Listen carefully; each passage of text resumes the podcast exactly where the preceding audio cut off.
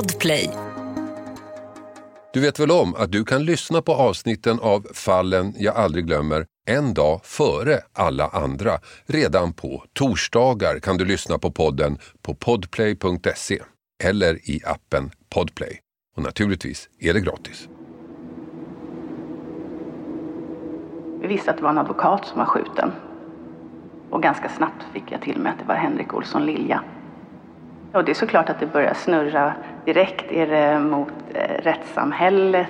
Vad är motiven? Och de skjutningar vi utreder händer i oftast i gängmiljö. Huvudregeln är ju de spår som är avsatta omedvetet av gärningsmannen vid brottstillfället. Det är de spåren vi vill ha, inga andra. Jag tror att det här är den gången som vi har fått mest puls. När vi ser att den här mannen kommer emot oss.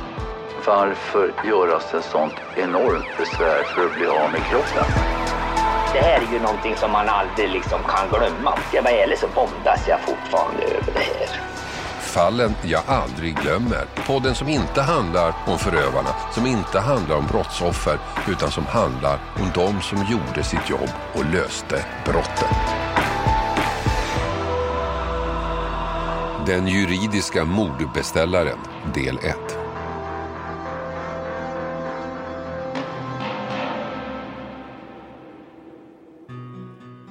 Det här fallet som jag ska berätta om nu kan vara det märkligaste jag hört talas om. Det som såg ut som en attack mot vårt rättssystem visade sig vara en privat konflikt. En konflikt mellan människor som normalt inte rör sig i den kriminella världen. En konflikt med lejda mördare, manipulerade vänner, mordsugna ungdomar och allt styrt av en person som tidigare hade en av de högsta positionerna inom rättsväsendet. En person vars jobb det var att bekämpa brottsligheten blev istället en del av den. En kvinna dessutom. Alltihop börjar på morgonen den 6 september 2019. Advokaten Henrik Olsson Lilja kommer hem till sin bostad på Norr i Stockholm. Han är välkänd inom juristbranschen men sommaren, som nu går mot sitt slut, har gjort honom känd bland allmänheten också. Han är nämligen den som försvarat den amerikanska rapparen ASAP Rocky som åtalats för misshandel i Stockholm. En händelse som fick spridning över hela världen. Till och med president Donald Trump uttalade sig om fallet. Henrik Olsson Lilja går in genom porten och tar hissen upp till den våning där han bor. När han öppnar hissdörren och går ut ser han plötsligt en man komma rusande mot honom. En man beväpnad med pistol. Mannen skjuter Henrik Olsson Lilja och kulan går in i bröstet bara någon centimeter under hjärtat. Men trots att han blivit dödligt sårad kan advokaten gå till motattack. Han slår till skytten med sin väska och slagsmål utbryter. Advokaten river skytten, vilket senare skulle visa sig ha en avgörande betydelse för utredningen. Skytten riktar pistolen mot advokatens huvud och skjuter ett skott till. Kulan snuddar Olsson Liljas tinning. Han knuffar till skytten och lyckas komma loss. Trots sina livshotande skador kan han springa ner för trapporna och ut på gatan och som genom ett märkligt sammanträffande springer han rakt i famnen på en kvinnlig polis som råkar gå förbi. Och bara någon minut senare går en manlig kollega till henne förbi och stannar upp för att också hjälpa till. De två poliserna ser att advokaten är svårt skadad. Ändå kan han där och då berätta vad som hänt. Inte bara det, han kan också tala om vem han tror ligger bakom attacken. Under tiden lyckas skytten ta sig ut ur huset och försvinna från platsen. Poliserna larmar förstås och sen är mediauppståndelsen total. Själv är jag hemma den dagen och får flashar på min mobil. Känd advokat skjuten på Norr Mitt hjärta hoppar till. Jag känner nämligen en advokat som bor just där. Tänk om det är han. Jag ringer redaktionen och det visar sig att vi råkar ha en fotograf i närheten så han skickas till platsen. Min redaktör Linus vet vem offret är och det var inte han som jag kände. Henrik Olsson Lilja visste jag som alla andra om efter sommarens uppmärksammade mål mot ASAP Rocky. Det är inte bara vi som skickar en fotograf till platsen. Alla medier sänder direkt därifrån. Kvällstidningar liksom tv-kanaler. Där och då spekuleras det i att attacken hade med Olsson Liljas jobb att göra. Kanske någon koppling till ASAP Rocky-fallet. Kanske någon gängkriminell eller någon missnöjd klient. Men det skulle visa sig vara betydligt märkligare än så. Ulrika Hamarin jobbade med utredningen. Det började med att jag och min eh, grupp var på handledning på Östermalm. Och när vi ser att eh, en skjutning har skett i vårt område, då vet ju vi sedan tidigare att när det händer större ärenden i vårt område så, så går någon FU-ledare eller gruppchef in som utredningsledare. Och eh, jag frågade min grupp, hur känns det? Är vi sugna på det här? Ska vi ta det? Vi var tillfälligt sex grupper då på grova brott. Och jag kände att jag hade utrymme för att kunna vara med i utredningen. Och det var ganska många i gruppen som sa att de, var, de kunde, hade utrymme för att vara med i utredningen. Vad visste ni då? Där? En skjutning, vad, vad mer visste ni där och då? Vi visste inte så mycket. Vi visste att det var en advokat som var skjuten. Och ganska snabbt fick jag till mig att det var Henrik Olsson Lilja. Mm. Det måste ju ändå ha, ni ha reagerat på, för det händer ju inte särskilt ofta. Nej, och det är såklart att det börjar snurra direkt. Är det mot eh, rättssamhället? Vad är motiven? Och absolut, de skjutningar vi utreder händer ju oftast i gängmiljö.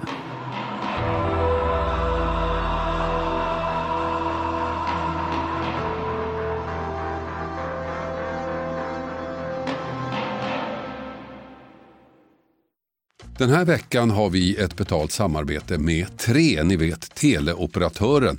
Den jag själv har faktiskt och är väldigt nöjd med. Men det är många som tror att Tre inte har särskilt hög täckningsgrad, vilket är fel. Och så är det ju faktiskt med mycket vi tror oss veta, att det vi tror är sant kan vara falskt och det vi tror är falskt kan visa sig vara sant. Jag hade faktiskt ett telefonsamtal med en kompis för inte så länge sedan, via tre då förstås, och vi snackade om myter. Och jag tycker mig ha koll på sånt, vad som är sant och vad som är falskt. Men det är inte alltid så lätt. Till exempel berättade min kompis, ni vet om myten att svalor flyger lägre när det ska bli dåligt väder. Falskt sa jag, men det visade sig vara helt sant. Och så det här att man, om man duschar varmt på sommaren så blir man svalare. Det trodde jag inte heller på, men det visade sig också vara sant. Så det blev lite en aha-upplevelse för mig. Men så pratar vi om vår gemensamma operatör. Ja, de har ju väldigt bra täckning, sa han. Och där visste jag att han har rätt. Han visste att tre har byggt ut och nu har väldigt stor täckning. Men det är inte alla som vet. Och ibland är det inte riktigt som man tror. Sanningen är att tre nu täcker otroliga 99,3 procent av Sveriges befolkning och det avser rösttäckning baserat på folkbokföringsadress. Så läs mer på 3.se om hur de bygger ut sitt nät och täckning. Tack 3. Den här veckan har vi ett betalt samarbete med Hello Fresh, världens ledande leverantör av matkassar hem till dig. Kassar som ger dig en enklare vardag och massa matglädje på det. Nu kan du som lyssnar få extra bra pris. Med koden FRESHFALLEN kan du få upp till 1359 kronors rabatt. Jag har testat flera matkassar och det är två saker som jag tycker gör Hello Fresh extra bra. Dels förstås att jag slipper planera mat varje dag. Menyerna finns redan där. Men också för att man får precis den mängd ingredienser man behöver. Det blir inte massa saker över i skafferiet. Inget matsvinn, inga bortslösade pengar. Och sen får man ju matglädje förstås, koll på budgeten och enklare vardag. Och också möjligheten att testa nya smaker med recept från hela världen. Allt är väldigt enkelt att laga, instruktionerna är glasklara. Så vill du få en enklare vardag, minska matsvinnet och testa nya spännande smaker. Gå in då på hellofresh.se och använd koden FRESHFALLEN. Den ger dig upp till 1359 kronors rabatt på dina fem första kassar. Plus fri frakt på första matkassen om du inte provat HelloFresh förut. Har du varit kund tidigare kan du också använda koden om du avslutat ditt abonnemang för 12 månader sedan eller längre. Tack HelloFresh. Ett poddtips från Podplay. I podden Något Kaiko garanterar östgötarna Brutti och jag, Davva, dig en stor dos skratt. Där följer jag pladask för köttätandet igen. Man är lite som en jävla vampyr. Man har fått lite blodsmak och då måste man ha mer. Udda spaningar, fängslande anekdoter och en och annan arg rant. Jag måste ha mitt kaffe på morgonen för annars är jag ingen trevlig människa. Då är du ingen trevlig människa, punkt. Något Kaiko, hör du på Podplay. Därför är gardinerna. På sjukhuset konstaterar läkarna att Olsson Lilja hade haft änglavakt. Hade kulan som gått in i bröstet träffat hjärtat hade han dött. Hade kulan som snuddat tinningen vinklats några millimeter åt andra hållet hade han dött. Men han levde. Och inte nog med det, han var fullständigt klar i huvudet och redan när han låg blödande på gatan kunde han för de två poliserna där berätta vem han trodde låg bakom attacken. Ja, han, eh, han gav ju oss redan där två olika spår att börja jobba med.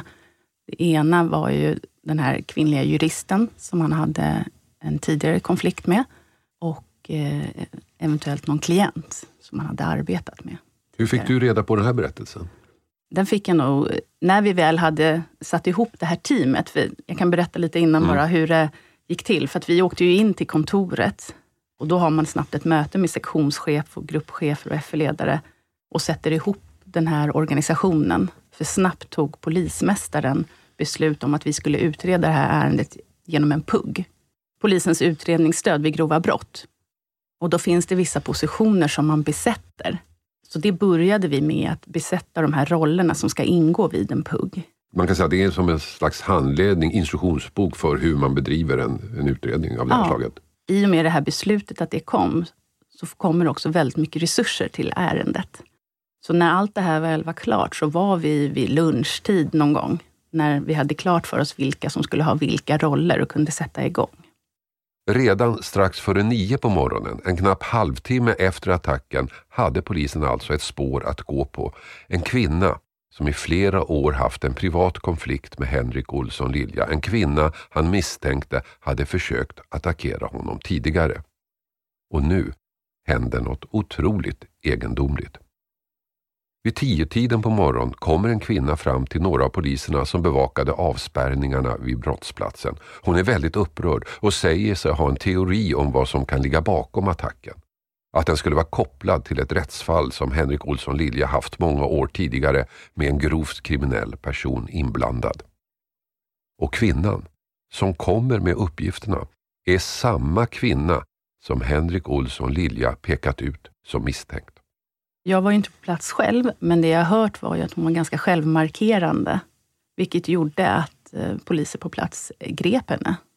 Och det har vi, vet vi sedan tidigare, att vara offensiv i början på en utredning ger ju oftast bra resultat.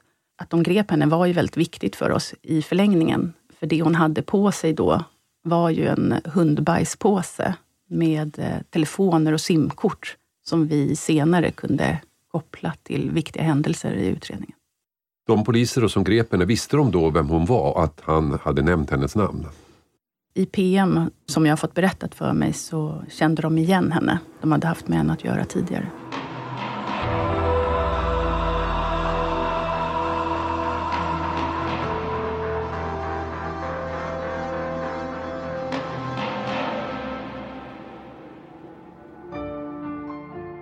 Den här kvinnan, vi kan kalla henne Kerstin, var väldigt känd bland jurister i Sverige. Alla visste vem hon var, inte så mycket för hennes karriärs skull utan för hennes totala förfall.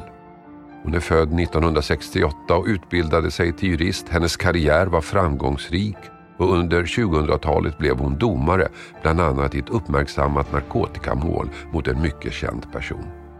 Privatlivet var helt normalt.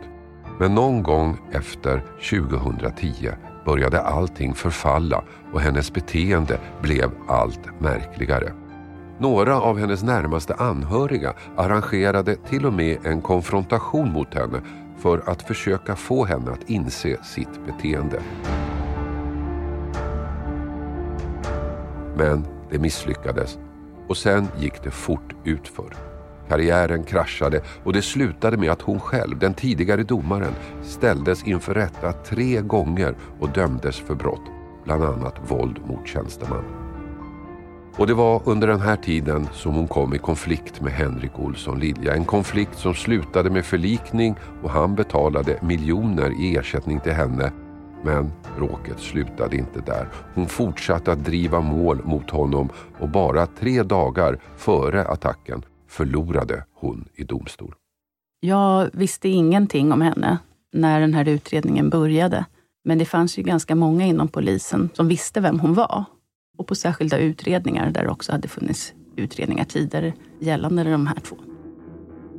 Tre dagar efter attacken, den 9 september, begär åklagaren Lukas Eriksson Kerstin häktad misstänkt för stämpling till mord. Men bevisläget mot henne är väldigt svagt.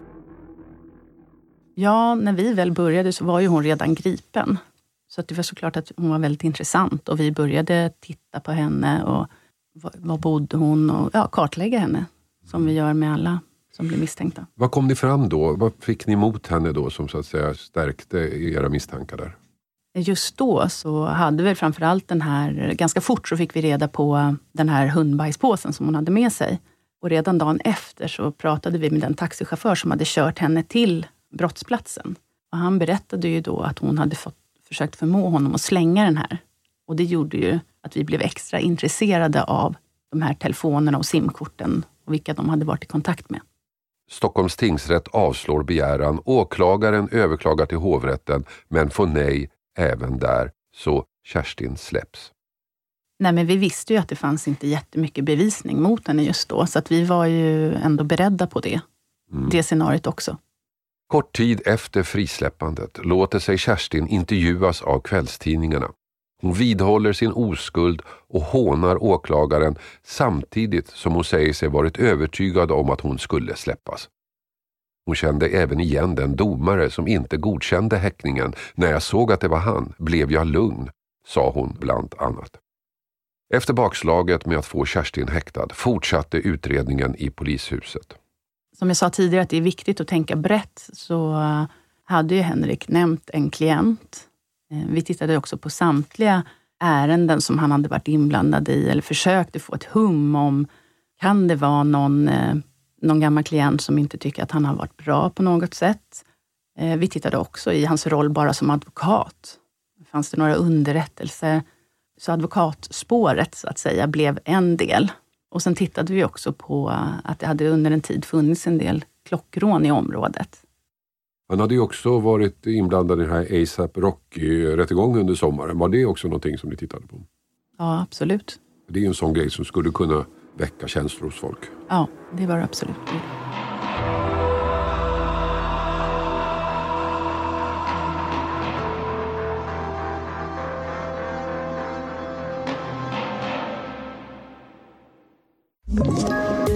Poddtips från Podplay. I podden Något Kaiko garanterar östgötarna Brutti och jag, Davva, dig en stor dos skratt. Där följer jag pladask för köttätandet igen. Man är lite som en jävla vampyr. Man har fått lite blodsmak och då måste man ha mer. Udda spaningar, fängslande anekdoter och en och annan arg rant. Jag måste ha mitt kaffe på morgonen för annars är jag ingen trevlig människa. Då är du ingen trevlig människa, punkt. Något Kaiko, hör du på Podplay. Därför är gardinerna. Två veckor efter attacken kom det stora genombrottet. Polisens tekniker hade lyckats säkra DNA från hudrester på Henrik Olsson Liljas händer. Under slagsmålet, när han försökte komma undan attacken, hade han slagit till och rivit gärningsmannen. Små mikroskopiska hudrester från skytten hade alltså fastnat på hans händer. Och den 19 september kom svaret från NFC, polisens nationella forensiska centrum. Det blev fullträff. Under den här tiden ska man också tänka på att det var väldigt mycket skjutningar i Stockholm. Så det var väldigt hård belastning på, på många ställen och framförallt på NFC. Eh, men vi begärde förtur och fick det på just bara de här topsen på knogarna. Så det gick ju ganska fort. Det tog ju ja, drygt eh, en vecka så fick vi eh, en träff. Först en plus etta och sen en plus fyra, vilket är det högsta på skytten. Och det gjorde ju att vi kunde börja lägga lyset på honom mycket, mycket mer. Och se vem kan vi koppla honom till. DNA-registret gav alltså träff i polisens register. Profilen tillhörde en man väl känd sedan många år. Född i Chile men kom till Sverige som litet barn. Här inledde han sin brottsliga karriär på 90-talet, var med i Järnaligan, dömdes för grova rån, rymde från fängelset, hamnade i skottlossning. Han hade suttit inne i mer än 30 år men nu hade han avtjänat sina straff och bodde i en lägenhet i Nacka dit polisen åkte och hämtade honom.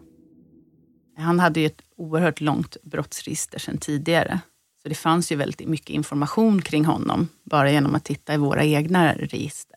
Så det, då började vi kartlägga honom med framförallt personer runt omkring. Skulle Henrik kunna haft något samröre med honom? Hade han varit hans försvarare eller någonting sånt? Men det fanns det inte. Så där blev vi ju tämligen säkra på att det var skytten och att vi hade fått DNA på rätt person. Ni tar in honom eh, och förhör honom. Vad säger han? Ingenting. Han säger inga kommentarer. Det är inte första gången ni är med om det? Nej. Till en början nekar han förstås till allt. Men han ställde ändå upp i förhören och lyssnade gärna på frågorna som om han försökte utröna hur mycket polisen egentligen visste.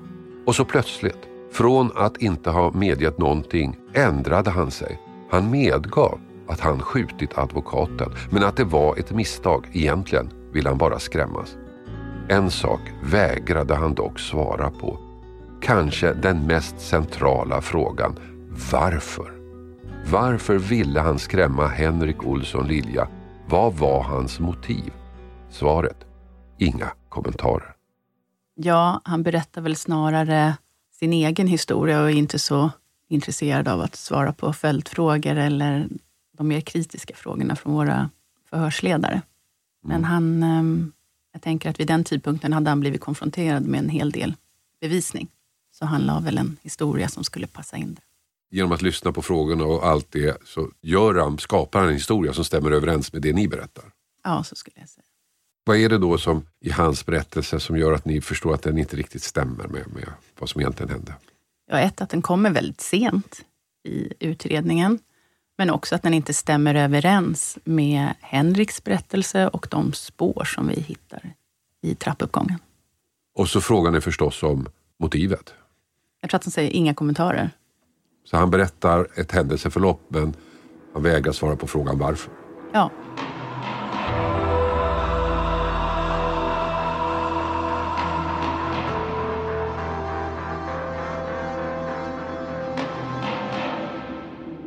Rättegången mot den misstänkte skytten började i början av 2020. Bevisläget mot honom var tungt. Inte bara hans erkännande och DNA utan också en mängd övervakningsbilder. Vi har ju övervakningsfilm från en affär i närheten. Vi har eh, passager in där vi kan påvisa att han har varit där under veckan innan.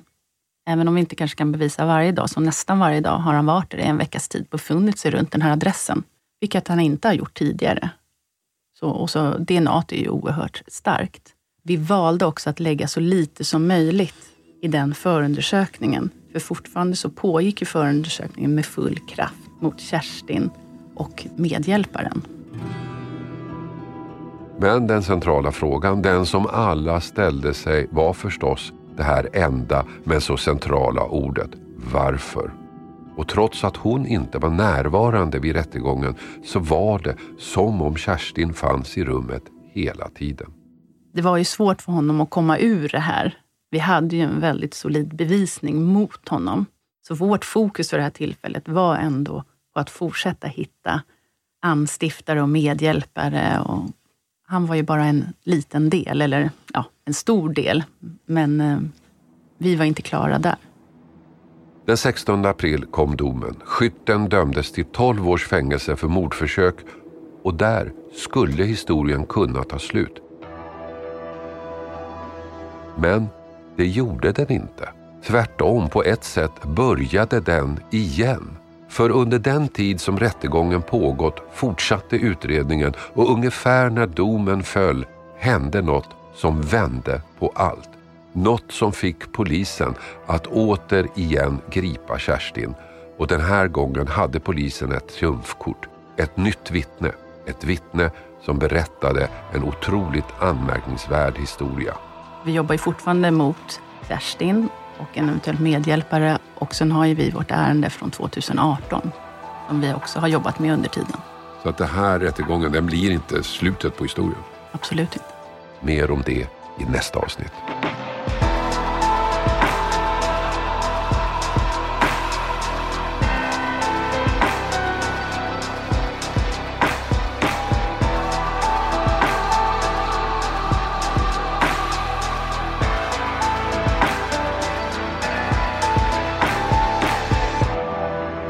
Du har hört podden Fallen jag aldrig glömmer. Klippning David Davva Persson. Och jag heter Hasse Aro. Du vet väl om att du kan lyssna på avsnitten av Fallen jag aldrig glömmer en dag före alla andra. Redan på torsdagar kan du lyssna på podden på podplay.se eller i appen Podplay. Och naturligtvis är det gratis. Podplay. Ett poddtips från Podplay. I podden Något Kaiko garanterar östgötarna Brutti och jag, Davva, dig en stor dos skratt. Där följer jag pladask för köttätandet igen. Man är lite som en jävla vampyr. Man har fått lite blodsmak och då måste man ha mer. Udda spaningar, fängslande anekdoter och en och annan arg rant. Jag måste ha mitt kaffe på morgonen för annars är jag ingen trevlig människa. Då är du ingen trevlig människa, punkt. Något Kaiko, hör du på Podplay. Därför är gardinerna.